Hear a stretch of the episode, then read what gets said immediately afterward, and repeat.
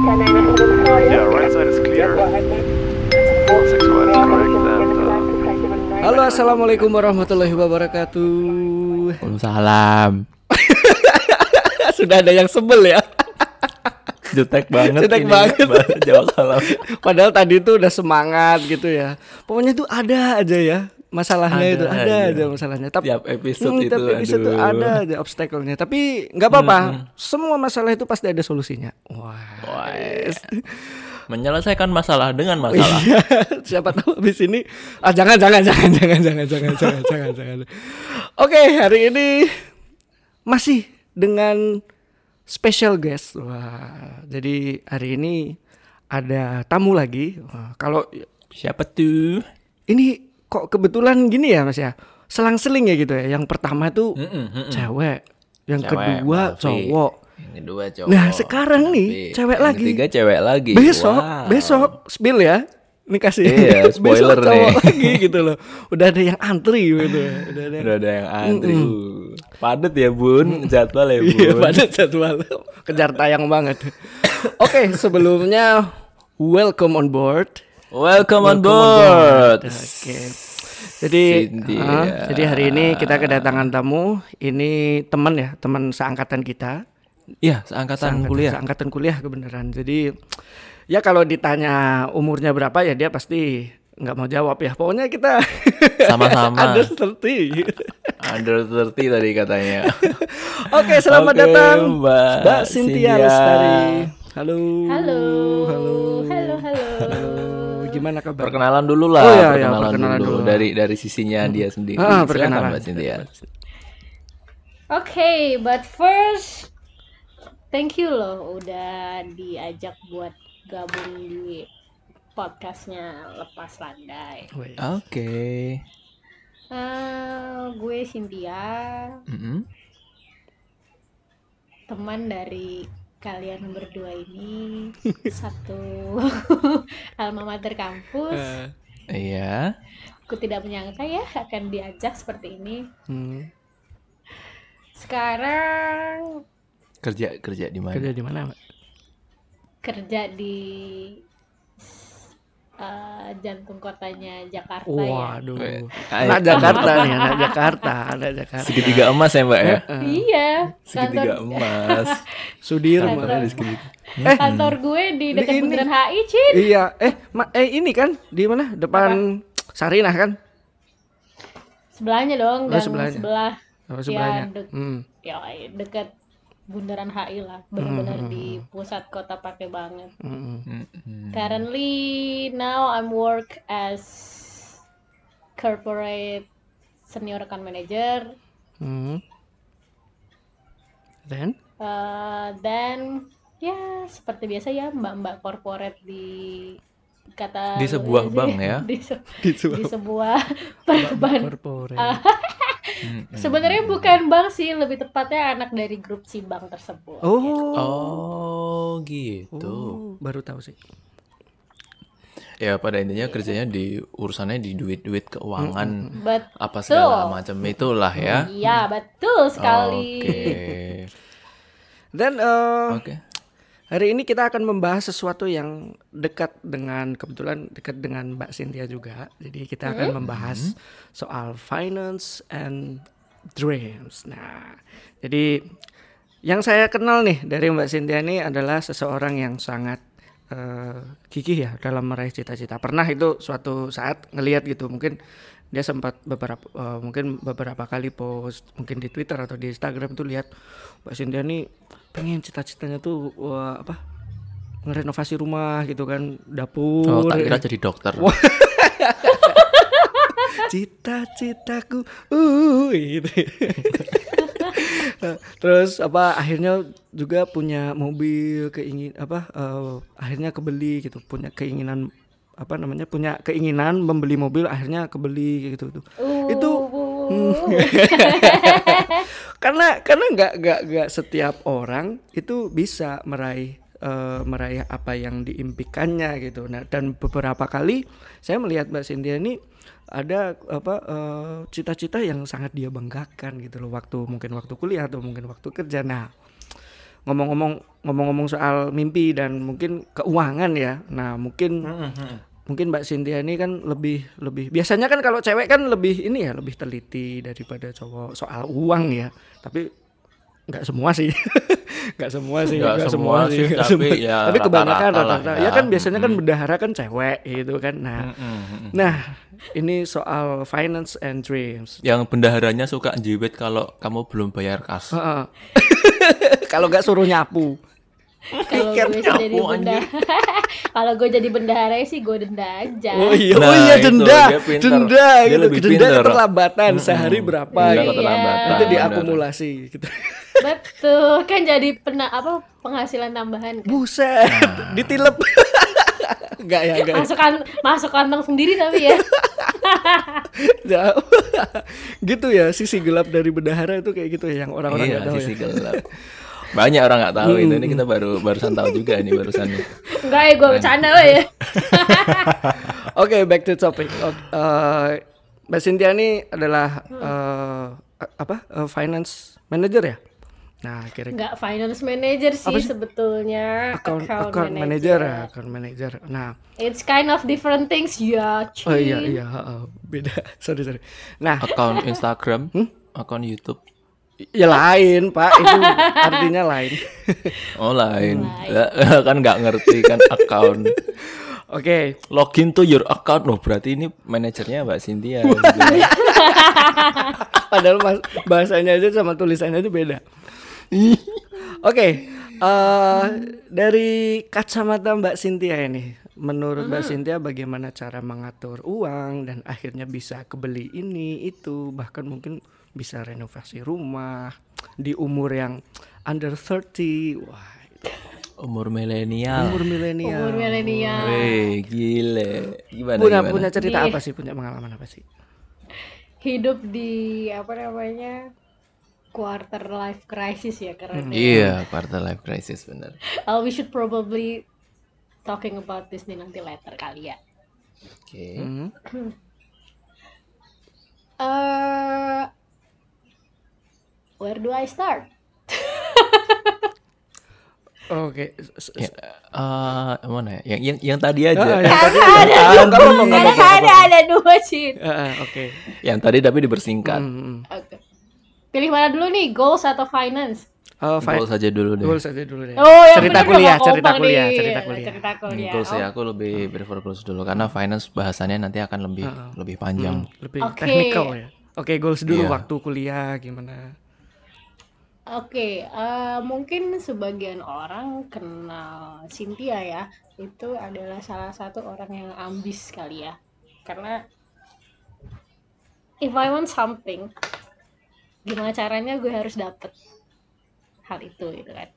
Sampai ada beberapa temen yang mungkin I take it as a compliment ya, bukan untuk show off, cuman eh, lebih ke appreciate Hmm. Ke gue nya sendiri Mhm. Eh, ada beberapa yang sampai masih yang gila kok lu bisa sih mencapai hal tersebut gitu kan Hmm. ya karena kebanyakan orang itu mel- hanya melihat hasil ya Ya, tanpa ha, melihat ha. proses Betul di balik sekali. itu ya kan. Tidak melihat belakangnya seperti apa. Betul. Lanjut lanjut. padahal di belakangnya mereka nggak tahu kan kita jungkir balik kayak apa apa segala macam Iya, bener banget asli. Talking about goals, uh, ini adalah suatu hal yang buat gue adalah menarik ya karena kita tuh hidup harus punya tujuan. Hmm. Jangan cuman go with the flow. Karena prinsip gue gini, only dead fish Hmm. will go with the flow. Jadi cuman ikan mati yang ngikutin arus buat gue ya. Wah, iya. Jadi Hmm, Oke oke oke. jadi as a human tuh kita harus punya goals ya. Entah apa pun profesi lo sekarang, entah apa pun uh, yang lo lakuin, lo harus punya goals. Hmm, hmm. Kalau buat gue sendiri, gue udah nerapin ini dari gue kuliah waktu itu. Hmm. uh, sempet di reference juga sih sama temen dari Finlandia kalau gue nggak salah tuh Hmm. ya dia sih uh, bilang ke gue uh, Cynthia kalau kamu punya mimpi kalau kamu punya suatu hal yang pengen kamu raih it's better to sketch on your paper or write write down on your paper gitu kan. Jadi Oh, ditulis ya. Ditulis. betul. Karena pertama kita harus define our dreams. Kita tuh mau apa sih? Haha. Tujuan kita tuh apa sih? Ya. At that And time, actually that's not easy. ya, it's not easy karena kita Iya. karena mimpi itu adalah sesuatu hal yang abstrak ya, nggak Iya. kelihatan. Bener, bener. Dan gimana caranya kita meraih itu? Berarti kan kita harus uh, mengubahnya nih dari sesuatu hal yang tidak terlihat sampai dengan hal itu terwujud ada gitu kan? Hmm. Betul. Ya kalau gue ya, first yang gue pertama lakuin adalah defines my dreams, Hmm. defines your dreams, Hmm. define your goals. Lu harus tahu lu mau apa. Misalnya nih, uh, let's say ngomong yang udah pernah aja deh. Hmm. Gue dulu Hmm. pengen punya IP bagus karena pada saat Hmm. itu semester 1 IP gue cuma 2,7 Hmm. gitu kan. Hmm.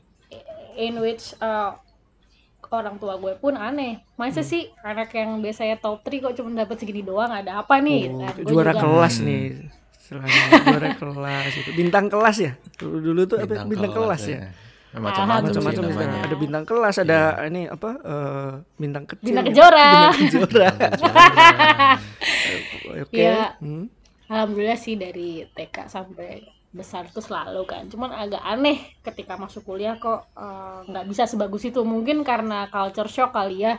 Hidup di rantau gitu kan sendirian segala macam. Oh iya, Hmm. Mbak Sinta ini ya, apa namanya kuliahnya rantau ya. Tapi kerjanya nggak rantau Mbak ya? Wah, ya. Enggak, Aduh, kerjanya baik itu ho- bikin- balik home base. Ini kalau kalau kalau lagu TikTok tuh iri, jangan iri, iri, jangan iri. Lagu TikTok ya. Oke. terus. Jadi tuh gue rubah eh, diri gue dengan cara gue tulis gue mau next semester IP gue harus 3,5 which is itu adalah sesuatu amin. hal yang muluk bukan sih Enggak, dari enggak, 2,7 enggak. dari 2,7 ke 3,5 dan itu gue diketawain sama temen gue yang Hmm. setiap yang pernah masuk kos gue pasti akan ketawa dengan impian gue yang selalu gue tulis di tembok Hmm. jadi gue nyediain satu wall gitu satu uh, apa sih bahasanya lupa deh tuh yang busa-busa gitu kan Hmm, hmm, hmm. gue tulis Styrofoam. gue tempel Styrofoam. ah styrofoam betul gue tulis tuh gue pengen IP 2,7 gitu Hmm. kan eh 2,7 pengen 3,5 nah itu gue harus pertama define your dreams gue harus tahu nih gue mau apa Hmm. nah abis itu eh biasanya gue turns my dream into some goals jadi kayak gue pengen dapat nilai segini berarti apa ini yang harus eh, gue breakdown lagi Hmm, hmm. Ya dari cara gue belajar, Hmm. cara gue kuliah juga gitu kan. Hmm. Nah, Sampai sekarang. sampai sekarang, nggak sekarang juga maksudnya sampai pada saat itu sampai sekarang gue menjalani hal yang sama Sampai sih. sekarang masih ngejar ini ya, IP 3,5 ya. Aduh, aduh. Oke. Masih kuliah ya. Masih kuliah. IPK 35, IPK 35, IPK 35 gitu aja terus. Berarti Enggak, bahkan enggak, sampai sekarang udah kerja pun ya kayak gitu ya, ditulis. Masih menerapkan hal yang serupa gitu Masih, ya. masih, dan itu pun Oke. terwujud gitu kan ya. Hmm, hmm. Dan ya ini realisasinya ya akhirnya bisa beli mobil, bisa benerin Iya. ikut bantuin. Karena itu pun ada yang itu sudah gue tulis di saat waktu gue dulu kuliah. Jadi Hmm. kayak gue pengen punya mimpi gue tempel. Jadi kayak misalnya IP udah itu kecoret, Ah, cari lagi impian baru. oh gitu. Ganti, barusan iya. barusan mau tanya, itu tulisannya tuh masih ada nggak sampai sekarang atau tuh bikin Masih. Oh, masih. Masih, masih, Hmm. masih sampai sekarang masih gue simpan rapat-rapat dan uh, gue mes sendiri sama diri gue sendiri kalau itu semua sudah gue coret. Keren. Oh, Oke, I see. Jadi kayak lebih ke pencapaiannya Ah, gitu kalau ya. udah Betul. tercapai coret, udah Iya. tercapai Ya bener. Oh, Setelah gue setelah udah capai coret, cari mimpi lagi nih. Mimpi selanjutnya Hmm, hmm, uh, sepanjang kuliah pengen IP 4 gimana caranya kecoret. Hmm, hmm. Setelah itu pengen keterima di uh, perusahaan multinasional kecoret gitu kan. Hmm, hmm, Terus uh, pengen lagi gue pengen bisa beli mobil setelah 2 tahun kerja gitu kan. hmm, hmm. Alhamdulillah kecoret walaupun agak sedikit delay tiga tahun kerja baru bisa beli mobil sendiri Nggak kan. apa-apa. Namanya kan juga usaha kan. Iya betul. Udah Benar, ditulis benar, dulu, benar, benar. bahkan udah ditulis dari semenjak kuliah. Kan ya Tuh. kertasnya masih kesimpan rapi lagi. Wah. Keren sih, keren, keren sih, keren. Kayaknya one day mau gue jadiin figura kali ya biar nanti anak gue Ah, bisa tuh, ya. bisa tuh. Jadi nak, Bisa, bisa. nak bisa. dulu ibu eh, apa manggilnya apa? Ibu apa mama? Oh, gue sih nanti maunya momi lah. Oh, Momi. Mami Koko.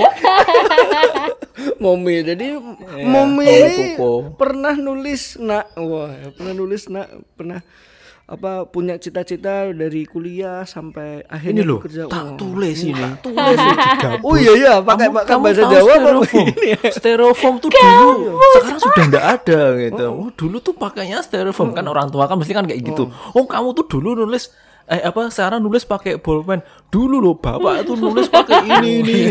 orang tua kan doang always like that gitu kan. Itu membandingkan Itu kayaknya per dulu. bokap lu doang deh. dulu dulu pakai styrofoam lu. Sekarang kan kamu nggak tahu styrofoam. Mungkin nanti eh, di masa yang akan datang itu kan pakainya kayak kaca yang bisa dipegang-pegang gitu kan touchscreen. Iya ya lebih It's modern. already now. Mm. Nah terus eh akhirnya kan eh, penerapan itu kan masih masih apa dipakai ya sampai sekarang nulis mungkin akhirnya ada Masih. ada ada ada sesuatu yang baru kayak gitu mimpi baru akhirnya ditulis. Nah dalam langkah-langkahnya nih dalam langkah-langkahnya untuk mencapai mimpi itu kan pasti ada modal. Wah kita kembali ke kita ke hubungannya sama finance ya. Nah Iya, iya. dalam mencapai langkah-langkah eh sorry sorry dalam mencapai tujuan itu Tujuan. akhirnya kebeli ini kebeli itu mungkin kan dalam perjalanannya eh butuh modal akhirnya ngumpulin modal ngumpulin uang kita sebagai eh, apa ya Pada intinya eh, nabung, nabung lah, ya, lah. cara Nah, mungkin secara globalnya Hmm, secara gitu kan. globalnya tapi mungkin eh, Mbak Cynthia ini nggak cuma nabung karena kalau saya lihat-lihat nih wah Mbak Cynthia ini mulai apa bermain. Bukan kalau yang saya tahu mulai ya mungkin siapa tahu sudah dimulai sejak kuliah juga ya jangan-jangan ya. Wah saya di kuliah tuh membeli saham BBCA sekian lot gitu kan siapa Oh. tahu kan nah I- i- ini ini asik nih udah mulai Nah. masuk ke apa namanya di fi- finansial eh, ya. apalagi investasi Oke, itu oke. kan sekarang sangat digaungkan ya semenjak corona. Sangat sangat digaungkan. semenjak corona Iya, ya betul, apalagi ya betul. semenjak corona akhirnya Ha-ha, orang nggak ke mana-mana tapi pengen punya duit wah akhirnya investasi nggak tahu ya apa mungkin timingnya pas atau gimana ya atau mungkin mbak Hmm, Mbak Cynthia banyak nih, faktor hmm, mungkin. hmm. Mbak Cynthia lebih ngerti Lebih deh eh, kira-kira tren tren dari eh, Mbak Cynthia masuk di kerja Hmm. itu kan pasti kan sudah mengenal ini lebih dulu. Nah, kemudian di di zaman bukan di zaman ya. Sekarang ya. di masa di masa pandemi ini kan eh, ketik tiba-tiba tuh hal-hal yang seperti itu kok naik daun dan itu hampir semua orang yang punya penghasilan ya. Me- mereka melarikan uang-uangnya tuh ke ke investasi misalkan. Lah itu apakah memang trennya trennya lagi naik atau ada momentum tertentu which is corona ini? Atau apa? Gimana mbak? Hmm, sebetulnya ya, I wish I know these things before ya. Mm-mm. Sayang banget Eh, sih. semua dulu. orang begitu sih Iya, betul banget. Mungkin dulu waktu kuliah oke lah ya belajar mengenai keuangan, literasi keuangan segala macam. Cuman kan Iya. zamannya kita kuliah kan kita belum punya duit ya. Lagi-lagi Oke. kembali lagi ke duit kan ya. iya Duit, ya walaupun iya. walaupun gue apa namanya kuliah di uh, bisnis kan dulu juga Iya, di iya. Sempat diajarin apa itu forex dan segala macam walaupun Mm-mm, cuman menggunakan virtual account gitu kan ya mm-mm, mm-mm. tapi kan uh, kita nggak bisa melakukan hal tersebut walaupun tahu karena kan belum ada dana Hmm. keterbatasan dana oke betul nah kalau sekarang ini kan karena udah kerja ya Hmm. jadi baru deh tuh mencoba hal-hal tersebut gitu Hmm. kalau buat gue sendiri how I manage my uh, financial sih Hmm. sebetulnya sih eh, nggak susah-susah banget ya Hmm. yang pertama tuh apalagi zaman pandemi kayak gini kita harus memanage sedemikian rupa penghasilan kita yang belum tentu dapatnya full seperti uh, normal pace ya karena kan Hmm, pandemi hmm, ini kan ada Iya, beberapa orang Hmm. yang mungkin gajinya dipotong sekian persen Iya. sekian persen sekian Iya, persen betul. gitu kan ya. Ya gimana cara kita memanage itu pertama sih gue biasanya catat pengeluaran. Hmm. kalau uh, di Jepang tuh metodenya kakebo ya. Kakek Jadi, ya mencatat pengeluaran uh, manual gitu. Kayak uh, lo keluarin duit buat apa aja sih gitu kan. Jadi lo bisa nge-track uh, selama kita ngomongin satu bulan ya selama Satu bulan, tuh, ya. mm, kita satu bulan tuh ngapain aja sih gitu kan kita satu bulan tuh kita ngeluarin apa aja gitu. dari situ kita bisa memetakan nantinya gitu kan yang kedua itu biasanya gue buat budget sih jadi uh, gue nggak hanya punya satu rekening gue punya beberapa rekening Yes. which is itu gue bagi once untuk living living itu biasanya proporsinya proporsinya itu 50% ya dari penghasilan ya dan Mhm. living living itu biasanya gue pakai buat eh operasional Hmm. iya doang kita butuh kita butuh eh, biaya operasional buat eh, bolak-balik kantor gitu kan buat hari-hari Hmm, gitu kan hmm, hmm. Nah, yang di living ini eh, gue bagi operasional, terus sama gue isi e-wallet. Kan karena sekarang kan banyak campaign untuk eh, no cash ya, Ya, karena no kan cash. eh, Ya, mengurangi Hmm. mengurangi contagious dari si virus ini sendiri kan. Hmm. Jadi Hmm. Bahkan kaki eh, lima kaki lima di Jakarta kan juga udah banyak yang pakai apa ya? betul. Cashless lah ya, cashless. Barcode Betul, barcode betul. ya. bukan bukan banyak lagi sih memang harus kayak di Hmm. depan kantor gue yang pinggiran jalan tuh bener-bener pinggiran jalan gue kalau mau makan soto bayarnya pakai payment gateway yang di tinggal di scan scan scan pakai. QR Hmm, aja hmm, sih Pakai barcode Iya. barcode gitu Ah. ya. Oke. Uh, then and then habis Atau- itu gue em, bagi 30 persennya untuk ke saving Oke, eh, savingnya ini dalam bentuk apa? Bisa dijabarkan lagi nggak? Apakah memang ada eh, murni untuk duitnya disimpan atau ke investasi itu Nah, atau tadi? investment lah gitu, diputer lah istilahnya ya kalau kalau Hmm, orang ini ya. karena instrumen in- instrumen investasi itu kan banyak ya Ah, Ya. Heeh. Jadi yang penting 30% ini selalu gue slotin setiap bulan untuk gue eh, investasikan ya kan. Nah, investasinya ini kan ada banyak nih pilihannya. Ada deposito, ada Ya. beli emas, Hmm, ada ya. beli bond gitu kan, Iya. ada beli RDPU, ada beli Iya, betul saham, betul betul. Heeh. even ada forex atau main coin Trading, kan, ya. ya Ah. trading kan, Hmm. dan gue udah pernah coba sih hampir semuanya, jadi rata-rata cuman yang nggak banyak kayak pengen tahu aja gitu kan, karena kan Hmm. eh, katanya Om Warren Bu- Buffett bukan Ah. Om ya, Eyang ya, Eyang sih sebenarnya. Warren Buffett, Eyang, Eyang Warren iya Buffett. Eyang, Mbah ya Mbah Mbah itu kan, Bakung, Mbah Warren. Bakung, Mbah Warren. Bakung, Bakung Warren, Mbah itu kan, Warren. Apa apa apa kata dia? Mbahnya kan itu bilang eh, don't put your eggs into one basket kan ya Iya, ibaratin kayak jangan taruh duit lu untuk diinvestasikan di salah satu Di salah aja satu gitu tempat. iya Betul kayak betul. misalnya lu diemin di tabungan gitu lu saving lu ti- setiap bulan nabung sejuta nih Hmm. terus masukin di tabungan nggak bakal dapat apa-apa Hmm, gitu kan paling cuma Iya, dapat iya, berapa iya, iya. perak doang gitu Hmm, kan Iya betul betul. Nah, itu kan bisa didiversifikasikan. Kalau Hmm. gue sih udah gue rutinin setiap bulan itu gue pakai prinsip. Dulu kan prinsip gue zamannya muda ya tanda kutip. Muda. Wan. Emang sekarang nggak muda? Berarti sekarang sudah Masih tua muda, dong kalau masih muda bilang sih. seperti Lah. itu. Masih No muda. no, I ya. mean No no, I, I, I means uh, ma- dulu kan masih teenager ya, Oh, masih belia Ah, ya. beda kalau kalau itu beda teenager ya. Itu kan dulu isi prinsip-prinsip gue apalagi baru-baru kerja fresh graduate itu one Oke. month one shoes ya. Jadi sat- per satu bulan gue selalu beli satu sepatu. Ah, biasa lah ya. Hampir mirip ya Biasa kayak lah saya ya, kayaknya ya. Iya. Jadi Kayak beberapa gitu sih. kali nih saya sama Mbak Cynthia nih ngobrolin soal sepatu gitu dulu. Wah, Sepatu. Waktu- Oh, kae iya. urung. bahkan sampai sekarang ini Mbak Cynthia nih masih masih nawar-nawarin sebenarnya masih nawarin Oke. sepatu. Gue dagang oke. sekarang ya. Jadi kalau misalkan Mas Luil ini atau mungkin para pendengar yang kepengen beli sepatu, nah hubungi aja nih Mbak sama Mbak Cynthia. Loh, loh, loh, loh, loh, loh. Iya, IG gue ada di Lestari Sintia kok. Oh iya, langsung barangnya itu lang- langsung dari US ya? Iya langsung dari US. Nah, Oh gitu. Ini kalau jadi promosi Iya, apa? jadi promosi. Numpang. cuan, cuan, cuan, pokoknya tuh Cuan, cuan, masuk cuan. paid bangun pagi, ini. bangun tidur tuh harus cuan gitu.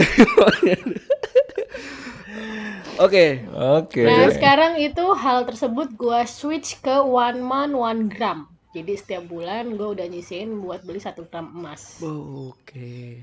Eh, Ini udah gue 900 ribu ya sekarang tuh kira-kira 900 Enggak, 800 800. 800. Ya. Heeh. Udah gue mulai hampir setahun setengah kali ya. Jadi eh, setahun. Pokoknya sebelum eh baru-baru pandemi deh. Ya, Karena setahun kenapa gue pilih kenapa gue pilih emas? Karena emas itu buat gue adalah balance-nya money ya. Jadi kayak eh, kalau lu punya saham gitu kan ya. Drop Mhm. anjlok-anjlok banget, Mhm. lu masih punya tabungan si emas ini Iya. yang eh, yang nggak stagnan juga sih, maksudnya kayak nilainya lebih stabil sih, Iya, lebih kayak lebih melindungi, iya, Ah, ah, lebih ah. kayak melindungi aset lu Iya, yang benar. lain Heeh, gitu kan. heeh. Soalnya kan yang lain misalkan eh, kita investment ke saham, kadang kan apa apa apa namanya istilahnya bull bull bi- bearish terus Bearish, bullish. Bearish dan Ah, bullish. bearish, bullish kayak gitu kan mungkin lagi anjlok atau IHSG lagi anjlok itu merah-merah semua kan kayak kayak Betul. menstruasi kayak gitu merah-merah itu kan nah terus akhirnya si emas ini memang kalau kalau di Al-Qur'an ya di agama kita ya eh kebetulan ag- agama kita bertiga sama nih ya Eh, nah Berat, Heeh. berat. Nah itu memang emas itu jadi salah satu investasi yang lebih aman daripada yang lain gitu loh. Kalau uang kan mungkin eh, bisa apa ya namanya? eh apa kalau Bisa eh, apa namanya? apa, Aku jadi lupa kan tuh. fluktuasi apa sih apa, apa waktu Denominasi. ya Pokoknya eh, harga uang itu akan berubah. hmm, harga uang itu berjalannya berubah. Tapi waktu. kalau emas enggak gitu loh. Stabil gitu. Jus- Mm, ya justru kemungkinan malah akan naik kan ya. gitu Mm-mm. kan. Tapi memang Ya, emas mungkin- itu naik terus ya? Eh, sepanjang gua Sementara agak turun. sih sempat agak turun. Gue pernah Hmm. beli, gue pernah baru-baru beli tuh masih yang harganya sejutaan. Hmm. Sejutaan gue beli, terus sekarang udah tinggal 800 gitu kan ya. Heeh, heeh. Ya mungkin awal-awal empat bulan pertama gue ada rugi karena dulu satu juta terus sekarang jadi 800 Mm, mm, But it's okay lah ya sekarang stabil di 800 sampai dengan 900 tapi ya itu dia pokoknya setiap bulan harus rutin yang namanya uh, nabung emas sih mm, mm. gitu Tapi kalau emas tuh eh ada ini nggak? Kalau kalau misalkan kalau misalkan saham kan ada ini ya, ada apa namanya? Kita harus lihat eh, informasi kayak gitu kan. Kayak misalkan eh, misalkan kita naruh saham di eh, sa- eh, bank ini gitu. Nah kebetulan di bank ini nih lagi ada masalah gitu. Nah otomatis nilainya tuh jadi jadi turun gitu. Nah kalau emas tuh ada nggak sih kayak gitu itu tuh? Enggak, Bro. Oh, anu apa ya?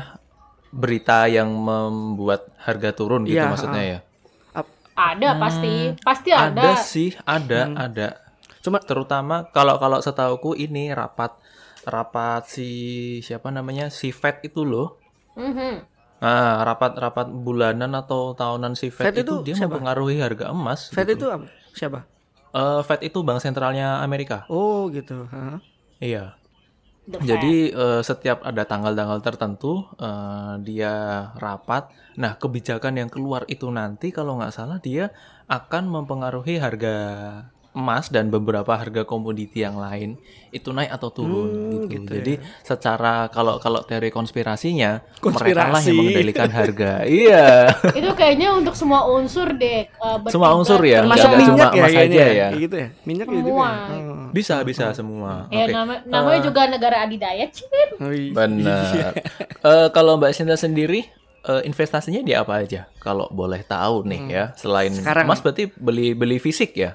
Enggak kalau gue beli yang digital sengaja yang Oh. digital kenapa Hmm. biar nggak gue pakai jadi kayak apa kalau misalnya ada fisiknya pertama resikonya gue takut hilang Hmm, Oke, hmm, benar. ya walaupun bukan dicuri tuyul sih ya Iya, cuman kayak iya, iya, benar benar. Ya siapa tahu kan. Iya, iya. ya bener Tapi sih kan ya- maksudnya biar gak khawatir lah, gak khawatir hilang Iya. tapi disimpan di dalam bentuk lain gitu. Oke. Iya, gue sih lebih prefer yang digital Hmm. ya karena pertama nggak bisa diambil. Terus kalau apa namanya? Ya walaupun minusnya kalau lagi butuh banget agak sulit ngairin karena karena butuh waktu ya, karena butuh Iya, iya. apa namanya? butuh waktu lah Hmm. untuk Ah, ah, ah, mentransferkan hal itu. penjualannya. Betul. benar-benar. Hmm. Ya, at least buat gue sih si emas ini nggak akan gue jual kali ya. Hmm. Hmm. Bakalan bakalan terus jadi tabungan lah terusannya. Hmm. Selain emas, Yang lain ada nggak? Selain emas, gue ada main saham juga. Hmm. Oh, berarti Anda main-main ya? Oh iya dong. Bisa itu. Tidak bisa serius ya itu. berarti ya sama ini Tidak ya? serius Anda. Main-main. Ingat ini bukan main-main loh. Ya, tidak boleh seperti Aduh, itu. kasihan ini Mbak Cynthia. Karena karena ada Hmm. beberapa, Mas, kita nggak main saham, Mas nyebutnya, Mas. Hmm. Kita eh, trading saham. Wow, gitu. Karena kita tidak main-main ngono. Soalnya kan kalau Beberapa trading kali- eh, trading itu kan kalau nggak salah ini ya bener-bener kayak kerja ya, nggak nggak beda treatmentnya sama Sulit, bro. beda kayak sulit, saham. sulit.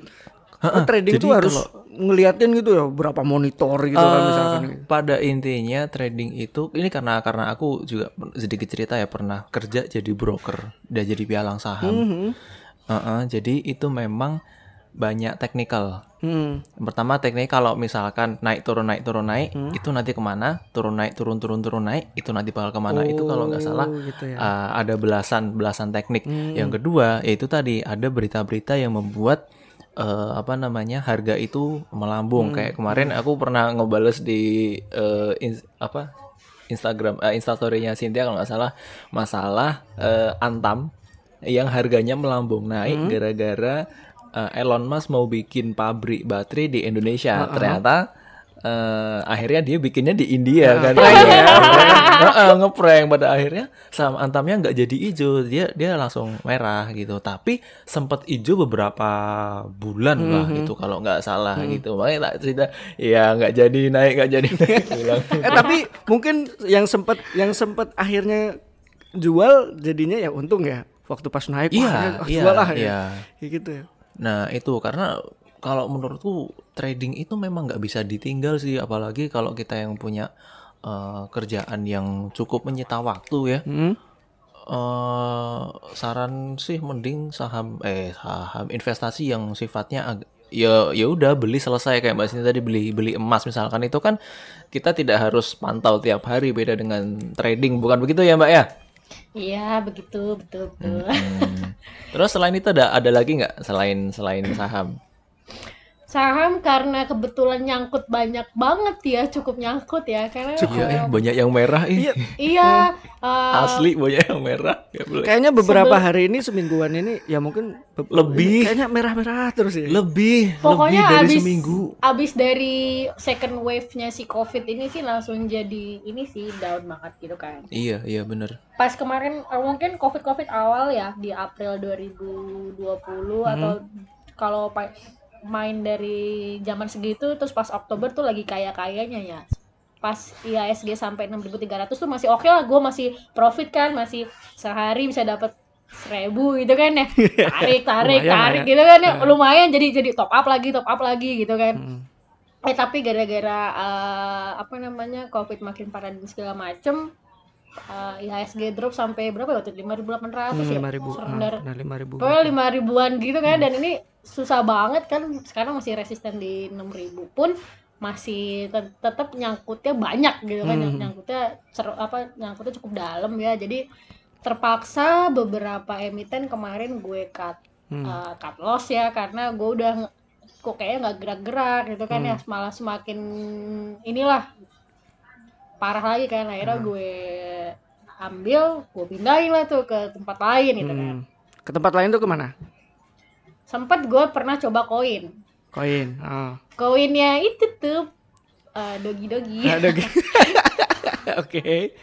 Eh, gue sempet Hmm. main koin juga beli Hmm. beberapa koin gitu kan ya ya. Sampai gue nyalain notificationnya Om Elon ya karena ah, ah. Oke, every tweet dia itu dia mempengaruhi sekali ya betul banget. Jadi se- setiap dia nge-tweet tuh langsung berpengaruh terhadap fluktuasi dari si harga koin tersebut kan. Pernah gue sempet cuan agak besar terus tiba-tiba drop gitu kan sampai minus gitu kan. Minusnya cukup kebeli Air Jordan 1 kali Oke. ya Tadi tuh Abis bilangnya itu- tuh bilangnya tuh sempet nyangkut apa sempet nyangkut banyak ini berarti investasinya udah banyak banget ini berarti kayaknya nih. Eh, enggak juga sih sebenarnya Udah udah nggak recehan lagi. Udah nggak recehan lagi lu. Lu sampai iya. kebeli Air Jordan lu satu lu apa enggak? sampai kebeli Air Jordan. Ya, itu nyangkut di koin nggak balik-balik kan akhirnya gue tarik aja semuanya Cut loss kan juga. cut loss juga sekarang sih kayaknya lebih prefer main-main yang di resiko agak menengah ya karena posisinya lagi gimana ya? Nggak bagus. Nggak bagus lah maksudnya untuk eh, buat spekulasi buat jaga-jaga aja sih takutnya ya amit-amit ya. Eh, tiba-tiba gaji dipotong apa segala macam kan kalau misalnya udah gaji dipotong terus investasi pada masih eh dalam banget ruginya kan jadi mendingan gue stop ruginya sekarang aja ntar kalau udah agak normal baru deh masuk masukin ke tempat-tempat yang high risk lagi sekarang sih gue mau coba trading forex kemarin baru banget belajar gitu kan cuman gue kayaknya agak Bedanya mikir. apa sih? Bedanya apa sih? Gue belum tahu soalnya. kalau yang kalau yang trading forex ini kan eh, pakai dolar ya Oke. falas ya Iya, valuta falas. asing ya Heeh. Iya kan pakai dolar gitu kan. Hmm. Gue juga masih belajar sih. Cuman ya ini kalau kalau yang ini malah lebih besar lagi resikonya kan. Hmm. Jadi kayak masih gue considering banget sih bakalan main ini atau enggak. Ya, so far sih gue ambil dananya semua, gue masukin buat dana darurat deh. Takut-takut terjadi Hmm. something bad happen kan worst case-nya kita harus punya dana darurat sih. Mm, mm. Oke, permasalahannya di sini eh saya eh, dan kita ya kita bertiga lah, kita Hmm. bertiga ini bisa melakukan saving eh, sekian persen kayak kayak Mbak Mbak Cynthia tadi kan. Hmm. Ketika ada ada dana masuk gaji, saya akan simpan sekian persen untuk ini, sekian persen untuk itu gitu. Nah, itu adalah sebenarnya sebuah privilege eh, kita karena kita memiliki penghasilan yang bisa dibilang cukup. Tapi permasalahannya adalah di luar sana ada teman-teman kita yang sudah gajinya eh, gajinya UMR gitu, sudah gaji UMR dia sandwich generation. Atau bahkan ada yang gajinya itu sudah di bawah UMR sandwich generation akhirnya Dipotong pula ya. di- iya, jadi kan kepotong sana sini pada akhirnya financial planning is just a bullshit for them gitu kan. Aku pernah melihat eh, ada apa namanya di YouTube itu apa namanya do- dokumenter ya, dokumenter tentang eh, milenial Jakarta yang sebenarnya. Dia masih umur 24 atau 25. Dia eh tidak lulus sekolah SMA terus dia pakai C. Sekarang dia jadi seorang supir ekspedisi. Jangankan untuk menyimpan sekian persen sekian persen dari eh, penghasilannya untuk ganti HP yang udah rusak punya dia aja itu masih nggak bisa. Jadi eh, permasalahannya adalah financial planning ini memang eh, memang uh, it works untuk orang-orang yang memiliki penghasilan yang agak cukup gitu. Tapi dengan orang-orang dengan penghasilan yang agak kurang, ini gimana gitu? Ada ada saran nggak mungkin dari Mbak Cynthia? Karena saya yakin teman-teman yang dengar kita uh, se- sekarang ini ada juga uh, mereka yang uh, jobless gitu, bahkan oh, anak kuliah gitu Hmm. Atau gimana pada intinya anak kuliah kan juga tidak berpenghasilan tapi dia juga ingin apa namanya uh, punya tabungan dan segala macam apalagi kemarin sempat ke trigger uh, YouTube-nya Raditya Dika kalau nggak salah ya dapat 100 juta di umur 25 tahun. Oh iya. eh. Nah, gitu kan. Gi- Gimana Mbak Cynthia tanggapannya? tanggapannya sih eh, sebenarnya memang pertama ya kita kita nih yang mungkin notabene adalah penghasilannya tetap Cukup. gitu kan ya Iya, cukup mhm. gitu kan we should be very thankful gitu kan kita harus grateful oke. banget karena nggak semua orang bernasib sama sama kita gitu Iya, kan ya iya. Terus kalau untuk apa namanya, uh, mungkin rekan-rekan yang mungkin sekarang sedang berjuang, ya lo nggak sendiri sih, kita pun juga berjuang, tapi kita sendiri punya porsi berjuang masing-masing kan ya. Oke. Kalau untuk uh, rekan-rekan yang mungkin penghasilannya agak mungkin terpotok atau ya sedikit kurang beruntung, mungkin uh, financial planning itu nggak bullshit bullshit amat sih, tapi yang masih make sense lah bisa untuk diterapkan. Kayak misalnya pertama lo balik lagi nih, lo harus atur ulang uh, anggaran anggaran lo gitu kan Oke. Lo harus atur ulang terus lo bedah lagi nih mana pengeluaran yang wajib mana pengeluaran yang sekedar butuh atau mana pengeluaran yang sekedar lo pengen gitu kan ya Hmm, hmm, hmm. jadi eh, lebih ke susun mana sih prioritas lo di masa pandemi ini gitu kan. Prioritas Iya, pasti iya. kayak misalnya makan dong setiap hari kan. Nggak Iya. boleh lewat gitu kan. Mungkin Tapi kamu juga bisa memilih mau makan apa gitu kan. Betul, betul kan Ya, dari ya. sisi makan pun kita juga bisa memilih Iya. ya. Ada yang sepul, ada yang misalnya sekali makan seratus ribu, ada yang sekali Iya. makan lima puluh ribu, ada yang sekali makan iya. sepuluh ribu. Ya Betul. ting- tinggal di adjust sesuai dengan apa namanya kemampuan kita masing-masing gitu kan. Untuk masa-masa sekarang lebih ke prihatin sih ya, yang misalnya lo tadinya mungkin setiap hari butuh kopi gitu kan ya. Oh iya. Eh, Kopi Iya. susu. Itu sih gue. anak kopi, tapi minumnya kopi susu. Iya, kalau kalau kalau Mbak. Cynthia ini kopinya udah kenceng, kenceng banget. ya. banget, kenceng banget. Harganya kenceng. Kalau yang kayak kita kita ini ya cukup kopi saset aja udah cukup sih Kopi sebenarnya. saset ya. Nah itu dia karena kayak misalnya nih uh, terbiasa ngopi, Ngopi. dengan secangkir gocap gitu kan Hmm. mungkin lebih kalau memang nggak bisa lepas dari kopi pindahlah ke kopi kalengan gitu kan yang cebanan kalau misalnya pun harus lebih berhemat lagi pindahlah yang ke sasetan. Toh sama-sama kopi kan. kalau memang tidak bisa menghilangi hal itu. Jadi kayak lebih ke tetap melak- eh, memenuhi kebutuhan lu setiap hari tapi lebih ke di adjust sedikit lah sama eh, nominalnya Oke. pricingnya itu sih ya. Ya akhirnya akhirnya eh, kita tuh perlu pengetahuan sebenarnya. Walaupun eh, sorry to say eh, penghasilannya kurang ataupun bahkan mungkin ada yang penghasilannya dua digit tiga digit tapi dia nggak bisa saving gitu loh nggak nggak bisa nggak bisa ngatur. Saya yakin ada gitu saya yakin ada. Ada, akhirnya ada. akhirnya kita tuh perlu pengetahuan terus perlu perlu sharing seperti ini yang eh, ketemu sama orang yang eh, tahu ekonomi bisa ngatur ekonomi dan jadinya eh, akan ada peluang-peluang untuk bisa mensejahterakan diri dengan keadaan yang ada gitu loh. Misalkan eh, gaji mohon mohon maaf nih kalau misalkan gaji eh, akhirnya eh, di bawah UMR gitu tetaplah harus harus harus putar otak akhirnya gitu. Tetap harus prihatin iya. Cari tahu Iya. gimana gimana bisa ngatur uang. Ya memang kebutuhan bahkan mungkin makan aja makan untuk sehari-hari mungkin susah gitu.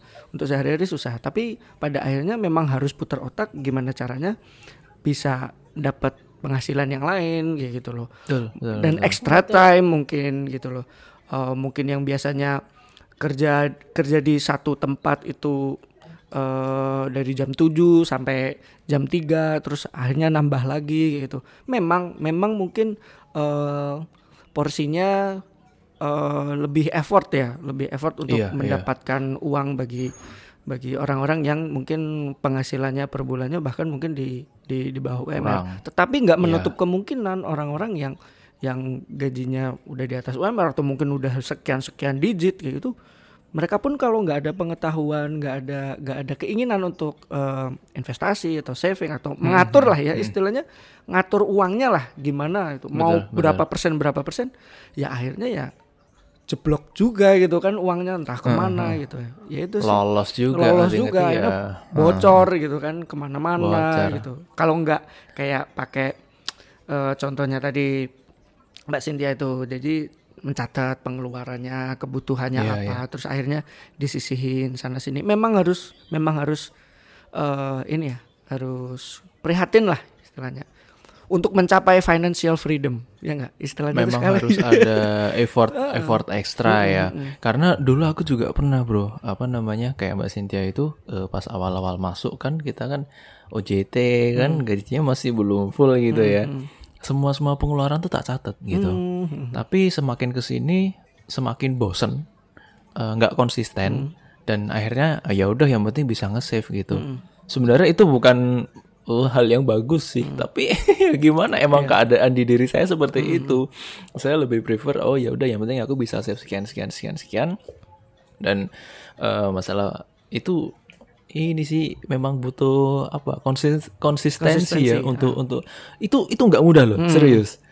Itu buat nyatet pengeluaran hari ini kita beli apa aja dan segala macam. Apalagi tuh manual. Aku eh, waktu itu pakai HP ada aplikasi kan banyak banyak banget itu sudah gitu. Jadi butuh konsistensi. Belum lagi eh, tadi aku sempat bahas sama Mbak Cynthia eh, ini kan dia kerja di segitiga emas Jakarta ya. Di sana ada beberapa eh, pekerja yang ada beberapa pekerja yang sebenarnya tidak mampu tapi memaksakan untuk eh, lanyard ID card-nya tuh pakai co- coach itu kan. Oh terus gitu. bajunya Ah, khas papis ah, gitu. ah, ah, ah, ah. Harus Jordan. ada gitu mbak ya di sana mbak ya Harus Jordan. banyak banget sih hal-hal kayak nah gitu nah ya banyak banget dia dia tidak mampu tapi eh, gengsi ya kalau kalau itu ya Tapi kalau secara personal ya, maksudnya kalau kalau menilai orang, mungkin boleh sih kita kita maksudnya berpikir atau mungkin kalau bahasa ininya bahasa gosipnya nyinyir ya. Ini kok Hmm. orang kok kayak gini amat sih gitu. Tetapi kembali lagi siapa tahu siapa tahu. Maksudnya dia su- sebenarnya sudah beru apa sudah berusaha. Cuman ya itu tadi eh, kurang kurang dicambuk lah istilahnya. Tahu gitu loh kalau misalkan barang ini nih eh, apa namanya mahal hype gitu. Apalagi kerja di segitiga emas Jakarta gitu anak Sudirman gitu. Es. SCBD gitu kan. Tapi kalau kalau nggak kayak gitu ya dia mungkin nggak pede gitu loh. Maksudnya kalau kalau dia nggak kayak gitu tuh mungkin wah nggak ada nggak ada nggak ada. Apa ya? Self reward lah ya. Bahasanya mungkin ya wah udah udah kerja di sini nih harus harus tampilannya kece nih. Tapi ya itu tadi mungkin pengetahuan dan eh, kekonsistensian dia untuk bisa eh, save gitu apalagi di Jakarta ya. Itu tuh belum sampai ke situ gitu loh. Kalau banyak sih saya yakin saya saya percaya sih iya gitu. Bahkan mungkin yang yang kerja-kerja di tempat kita pun Mas Luil ya ada ada gitu. ada gitu. bahasa halusnya sih self reward Ya. sebenarnya emang boros aja dia sebenarnya sih hal-hal.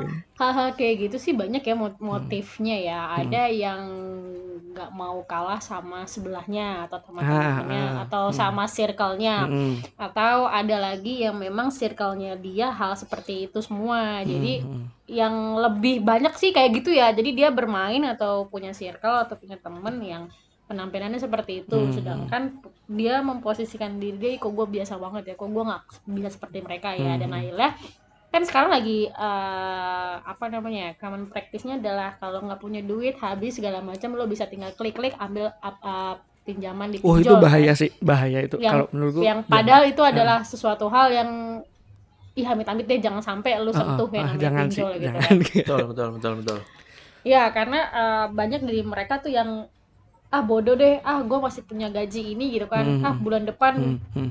gue bayar atau gue Hmm, cicil segala hmm, macam, yang penting gue beli dulu Hmm, barangnya, gue hmm, pakai hmm. dulu, yang penting gue kece dulu baru belak- bayar belakangan Hmm. itu sih salah satu common mistake yang dilakukan oleh eh, apa namanya milenial sih ya. Jadi Hmm. ada tiga kesalahan keuangan milenial yang perlu banget kita hindari gitu kan ya. satu Satu. Satu adalah yang Maha Esa enggak dong Pak. Yang pertama adalah kesalahan yang biasanya kita buat itu eh bukan kita ya maksudnya kesalahan milenial yang sering buat itu mencampur adukan semua pos pengeluaran. Yang tadi gue bilang Hmm. kita itu eh, awal dapat gaji nih.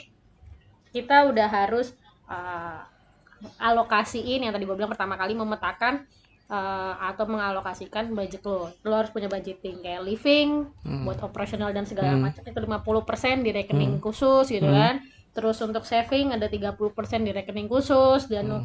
Playing tuh sebenarnya cuma 20% di rekening khusus. Hmm. which is mungkin ih gila dikit banget playing gue gue nggak bisa jajan dong gue nggak bisa beli ini nggak bisa self reward yang tadi kata lo itu kan. Hmm. sebenarnya sih itu bisa diakalin sih tinggal di adjust bagaimana Hmm, kita hmm, uh, butuh atau tidaknya Hmm, gitu hmm. kan.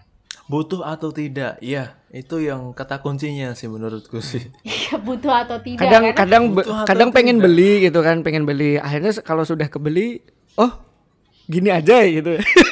Kembali lagi itu ya udah kebeli. Tapi itu kan itu, itu kan cowok Udah. cin. Udah gitu aja. Ya udah gitu loh. Maksudnya akhirnya ya kayak kita membeli sesuatu yang sebenarnya bukan bukan kita perlukan gitu kan jadinya kan. Ya betul betul. Oke, Karena- yang nomor dua. Oh, karena gini, eh, sebelum nomor dua, Hmm, karena perempuan itu kita punya mindset ya, biasanya perempuan ya, Hmm, eh, apa namanya, Barang Dibeli. bukan bukan, kayak misalnya kalau nggak gue beli nih barang, gue besok bakal kepikiran. Oh iya, iya, iya, iya. Tapi- Oke, oke, oke. Kalau gue ambil nih barang, gue bawa pulang, gue akan nyesel ntar sampai di rumah. Jadi itu kayak it's kind of a dilemma ya buat perempuan-perempuan ya, apalagi kalau ngelihat yang namanya sale kan. Heeh, Oke. Itu emang emang emang sifat alami ya kayak gitu. ya? Dah, Gimana sih? kayak, kayak emang. Mas Luil kayak gitu nggak? Enggak, enggak. Enggak, Karena- enggak kayak gitu. Oh, oke, oke, kalau oke. gue pribadi sih kadang kayak gitu Ah, kadang lagi kadang gini loh ada barang bagus yang gue incer terus tiba-tiba udah diskon nih Hmm. terus gue kepikiran kan Hmm. aduh beli nggak ya aduh mumpung lagi diskon nih kapan lagi harganya segini ah gue beli ntar nyampe sampai rumah Iya. ya anjir ngapain tadi gue beli ya nyesel gitu kan Ah, ah, ah. tapi kalau Hmm. gue balik lagi ceritanya once gue nggak beli nyampe rumah gue pasti bakal kepikiran anjir tadi itu sepatu Kenapa diskon tadi nggak beli? iya Ini diskon dilema kan kan sebenarnya itu barang-barang yang dilematis untuk dibeli atau enggak gitu. Betul. Terus Iya, besokannya kita balik ke mall, balik ke tempat sepatu itu lagi, ternyata sepatunya udah nggak diskon dan itu nyeselnya ampun-ampun deh. Kayak nyesel, ya anjir mending mending gue beli gitu. Angel, angel. Angel, angel. angel, angel, angel, angel. Oke, terus yang kedua. Yang kedua, yang kedua adalah kita nggak sadar saat membayar. Hmm. Perhatiin Gimana nggak sih? eh, lu perhatiin nggak sih atau lu pernah ngerasain nggak sih kayak misalnya lu eh, gabut nih, tiba-tiba lu buka marketplace klik klik klik klik klik klik gitu kan lu Hmm. beli barang yang nggak lu perlu eh, yang Hmm. di oranye kayak yang di hijau kayak gitu Hmm, kan hmm. ada yang murah gitu kan asal ad- flash sale apa main Hmm, klik klik hmm, klik klik klik hmm. klik kita nggak sadar gitu saat mengeklik ngeklik tiba-tiba check out biasanya kesalahan ini dilakukan pada saat terima gaji sih abis payday itu Oke. Black Friday biasanya orang-orang membayar uh, check out eh, me- men-check out uh, kartnya mereka jadi tuh Hmm. mereka tuh udah udah uh, udah nyimpen banyak Udah nyimpen di keranjang kan. ya. Hmm. Oh, betul Barangnya ini betul. gitu. Nah, Udah ah besok banyak, ah besok banyak. nanti kalau udah udah ini deh, udah kalau gajian. udah gajian Oh. kalau udah gajian udah gitu masuk kan. langsung tes tes tes tes tes tes yang di love love ini atau yang udah di keranjang ini langsung check out. Betul. sounds Ah, oke. sounds so familiar, right? Ya kan kayak itu adalah right. hal common banget sekarang kan. Hmm. Padahal itu merupakan sebuah kesalahan, Hmm. gitu kan. Solusinya apa? Solusinya itu kita harus menentukan limit transaksi. Yang tadi gue bilang, Hmm. kita harus punya budget untuk playing tuh kita harus punya budget berapa sih gitu kan. Betul, betul, betul. Kalau misalnya uh, budget playing cuma 20 dirasa tidak cukup, ya tinggal aja lu mau beli barang, Hmm. uh, mau beli Ya sepatu, di adjust harga- lagi kan akhirnya. Iya, Hmm. atau lu lu mundurin term waktunya. Lu bisa beli lu bisa Oh, punya iya, iya. item Ah, ini, ah. Lo bisa punya nih sepatu, let's say sepatu ya harga 2 juta kan, tapi jatah playing gua sebulan cuma 500 ribu. Berarti kan Hmm, hmm. empat bulan ke depan gua baru bisa beli ini kan. Ya sudah tuh, lu pilih mana? Kalau lu tetap kekeh mau punya ini agak tidak menyesal ya, lu tunggu dulu lah, tunggu tiga bulan lagi lu baru Hmm, bisa iya, beli itu. Kalau gua sih gitu. aja. Betul, solusinya sih gitu. Hmm. Either di limit transaksi lu yang di eh, yang dibatasin atau Diundurin. lu mundur deh. Mundur. Tuh, lu mundur. Waktu belinya mundur gitu. Betul. Sabarin gitu. Sabarin. Ada apa sih kawan gitu kan? Sabarin. Pasti kawan. Oke, yang nomor tiga. Nomor tiga. Nomor tiga itu eh, kadang kita yang milenial itu tidak menyiapkan pengeluaran non rutin. Contoh. Contohnya, gue punya mobil nih, ya kan? Hmm. Mobil mobil itu kan harus bayar pajak setiap tahunnya, ya Hmm. Oh, Hmm, Oke, hmm, iya iya. ya kan? iya. Kalau gue nggak siapin dari sekarang, misalnya dari satu tahun sebelumnya, Kaget. berat, berat Iya. pak. Tiba-tiba jeret 4 juta, buset duit dari mana? Sedangkan gaji aja ibarat katanya UMR UMR-an kan ibarat katanya, atau ya di atas UMR lah gitu kan. Ya kita harus dari jauh-jauh hari udah ngerutinin uh, pengeluaran non rutin tersebut atau kayak servis motor gitu kan Hmm, hmm, hmm, hmm. ganti oli segala macem. Ya. Ja- kesalahan kita tuh kayak misalnya kita akan melakukan hal tersebut saat kejadian Hmm, Kejadian. hmm, Ya. Iya. ya. misalnya motornya mati nggak bisa di starter kan ternyata dicek olinya apa segala macam ada yang salah baru deh itu kita ngeluarin ternyata pada saat kita ngeluarin di situ sekali servis lima ratus ribu satu juta padahal kalau kita rutin aja kan nggak sampai tuh segitu berkatanya Iya, ya. iya, benar benar benar. nggak kaget lah. Nggak kaget. Iya betul. Se- segitu iya. segitu mungkin harganya tapi nggak kaget gitu karena udah ada persiapan jauh-jauh hari. Betul. Ya biasalah orang nggak apa namanya nggak ke rumah sakit kalau belum pingsan gitu kan istilahnya. ya. Kalau bisa minum obat apa obat warung juga minum obat warung dulu gitu kan. Nanti nanti dulu. Iya iya iya. Itu lebih ke habit ini ya apa namanya untuk perawatan barang ya. Apa pun itu ya sebenarnya ya. Iya apa pun itu, ah, even even ke ngadoin pacar pun itu sesuatu hal pengeluaran non rutin kan. Maksudnya Oke kayak oke ya. lu mau ngaduin, lu mau nyenengin pacar lu gitu kan, lu mau ngaduin sesuatu hal yang spesial yang harganya mungkin gak cuma sepuluh ribu, dua puluh ribu, mungkin sejuta, Iya. dua juta, tiga juta gitu kan. Iya. Ya nggak mungkin juga lu beliin kado di saat itu langsung kan. Hmm. Paling ujung-ujungnya kalau nggak duit lu langsung habis, larinya ke sisi, larinya ke cicilan apa segala macam. Justru itu akan membikin yang namanya nambahin pengeluaran di belakang gitu kan. Aduh lebih pusing lagi itu. Bakalan lebih pusing lagi karena lu justru akan punya cicilan gitu kan, yang cicilan Iya yang iya. sulit akan terlepas akan hal itu gitu sih. oke Oke. kesimpulannya itu adalah apa yang di, di disampaikan oleh Mbak Oh Sid. satu lagi gue hampir lupa. Oke oke oke oke kita kasih. Di ma- di masa pandemi kayak gini harusnya sih kita dari dulu ya. Apalagi kita masih muda ya. Hmm. Kita harus punya yang namanya asuransi. Itu sangat penting sekali. Heeh. BPJS. Ya lo tahu sendirilah sekarang amit-amit sih ya kalau lu sampai iya kena sih, covid segala macam mau masuk susah kan ke rumah sakit. Saya kena bu. Nah, itu dia rumah sakit. ya, kalau kalau lu ditanggung sama kantor, oke. Kalau di kantor ada Iya. ada limit Asuransi, asuransi, iya. oke. Mm-mm. Tapi akan lebih bagus kalau lu punya sendiri sih. Jadi kayak lu nggak dipersulit lah karena mau masuk rumah sakit yang didahulukan atau yang yang didahulukan lah pasti orang-orang yang bayar mandiri atau yang punya asuransi di Iya, luar Betul BPJS. betul betul. BPJS harus fotokopi KK sama fotokopi kartunya dulu, nanti dilegalisir ke RT RW setempat. Padahal itu itu judulnya aja E EKTP tapi masih perlu difotokopi. fotokopi. Ini kita menuju industrial 5.0. tapi masih perlu Welcome. difotokopi. Welcome to negara Wakanda. Masih aja Oh iya, di itu- itu bukan ini. Indonesia, itu Wakanda itu. Bukan di Indonesia itu Anda ini. ah. Wakanda. Bismillah, komisaris BUMN. Bismillah Menteri Keuangan. Eh, amin amin pokoknya. Amin amin. Wah, anjir sejam cuy.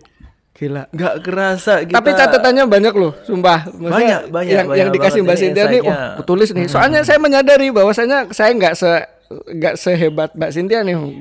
Saya tulis nih akhirnya nih.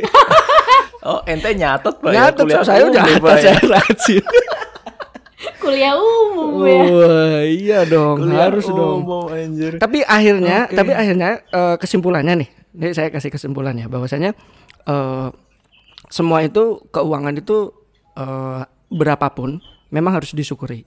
Kembali kita harus bersyukur. Maksudnya eh, manusia nggak nggak merasa cukup. Saya saya yakin eh, dikasih berapapun nggak merasa cukup. Tapi Iya, betul. tapi kita harus eh, bersyukur dapat segitu. Kalaupun memang kurang, kita harus mikir bahwasanya eh, kita harus cari side hustle kan istilahnya kayak gitu kan nyari nyari nyari nyari nyari tambahan gitu dan kita ngatur keuangan kita. Dica ya entah itu dicatat. Kalau yang dikasih eh, sama Mbak Sinta kan ya dicatat terus habis itu di pos-posin di adjust gitu untuk cost living 50% buat saving 30 20% buat playing. Tapi itu kembali lagi ke kebutuhan masing-masing orang. Itu kan cuma contoh. Mau mau di adjust berapa terserah gitu kan.